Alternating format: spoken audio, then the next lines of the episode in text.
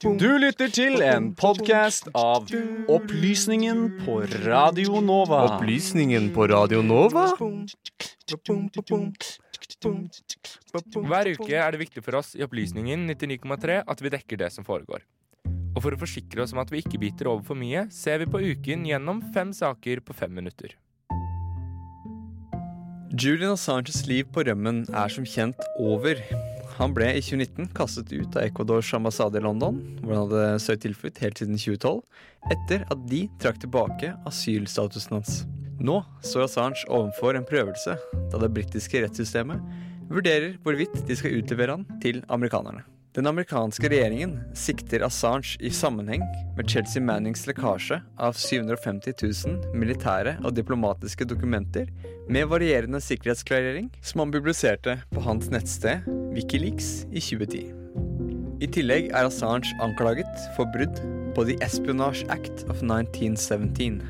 Mange mener Assange ikke burde dømmes etter The Espionage Act, da han ikke har gjort noe annet enn å publisere informasjonen andre har lekket. Ben Wisner fra American Civil Liberties Union sa til Washington Post i 2019, da det ble klart hva Assange ble siktet for, at dette er første gangen i landets, altså USAs, historie at en utgiver blir straffet for å ha publisert sannferdig informasjon.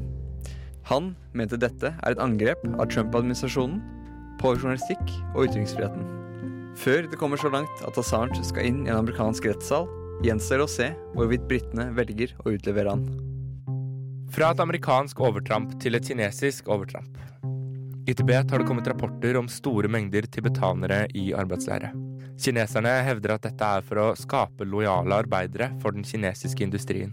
Fra januar til juli skal en halv million tibetanere ha gått gjennom dette systemet, hvor mesteparten har blitt flyttet ut av Tibet til Kina for å jobbe med tekstiler, bygg og jordbruk. Adrian Sens, som har forsket på de to provinsene Tibet og Xinjiang, hvor denne formen for prosjekter blir utført, mener ifølge Reuters at det som foregår i Tibet nå, er det tydeligste angrepet på tibetanske tradisjonelle levemåter siden kulturrevolusjonen. Tibetanerne er ifølge han et folk bestående av nomader og jordbrukere som nå blir omskolert til billig arbeidskraft på fabrikker i Kina. I tillegg rapporteres det om omfattende ideologisk omskolering, da både borgerne i Tibet og Xinjiang er etniske minoriteter med historie med uro mot regimet. Det kinesiske utenriksdepartementet benekter at det er straffarbeid involvert, og sier at alle arbeiderne er der frivillig og blir kompensert. Vi skal tilbake til Balkan og Montenegro, der vi var for noen uker siden. Det er nå blitt tydelig at Stravo Krivokapic og For Montenegros fremtid har flertallet i parlamentet, og at han skal ta statsministerposten. For Montenegros fremtid er den proserbisk-ortodokse koalisjonen og muslimer i både Montenegro og Serbia frykter nå vold. Det vil si, Montenegros muslimske miljø har allerede blitt angrepet. Og det er derfor de serbiske muslimene nå er på vakt. 1.9., få dager etter valget i Montenegro, ble det knust vinduer og tagget påminnelser om Srebrenica-massakren i grensebyen Pjevja. Srebrenica-massakren var et folkemord utført i 1995 på bosniske muslimer, også kjent som bosniaker, hvor styrker ledet av Ratko Mladic deltok. Mladic ble i 2017 dømt for folkemord og forbrytelser mot menneskeheten.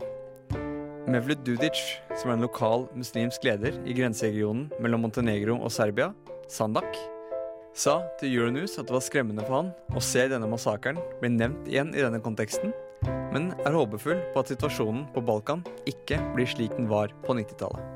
Vi beveger oss til kaldere tider, men heldigvis er det ikke like kaldt som det var på Grønland i 1991. The Guardian rapporterte denne uken at forskere fra Verdens meteorologiske organisasjon har sett tilbake på målingsarkiver fra Klink-stasjonen på Grønland hvor rekordfunnet på minus 69,6 grader celsius ble funnet. Dette er den kaldeste noterte temperaturen på den nordlige halvkule, men langt ifra rekorden lenger sørover, hvor det er blitt rapportert 89,2 grader celsius på Sørpolen.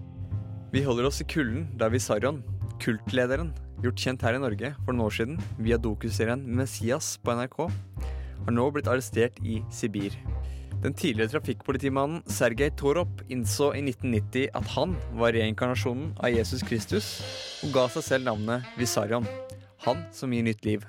I løpet av de siste 30 årene har han drevet en kult i Sibir, der de har hyllet han som frelseren Messias eller Jesus Kristus.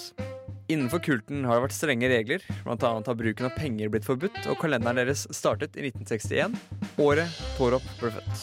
Russiske myndigheter skal ha sendt helikoptre og bevæpnede politimenn for å arrestere Torop. Han er anklaget for å ha drevet en ulovlig religiøs forsamling og for å ha utpresset medlemmene sine for penger. Visarions lære skal være basert rundt tradisjonell kristen teologi om en kommende apokalypse, sammen med østlige elementer hentet fra buddhismen om bl.a. gjenfødelse. Mon tro om hans følgere tolker året 2020 som slutten på verden, starten på noe nytt, og for ikke å snakke om begge.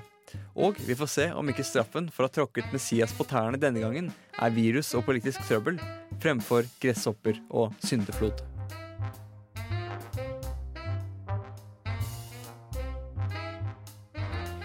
Reportere i denne saken, det var deg, Sebastian Hagel, og det var meg, eh, Sander Zakaria. Musikk det følger ganske nære att, mer eh, spesifikt Skovveien, og låta heter Skov 2. Du har nå hørt en podkast fra Opplysningen 99,3. Finn denne og tidligere episoder på Spotify, iTunes eller der du måtte finne dine podcaster ellers.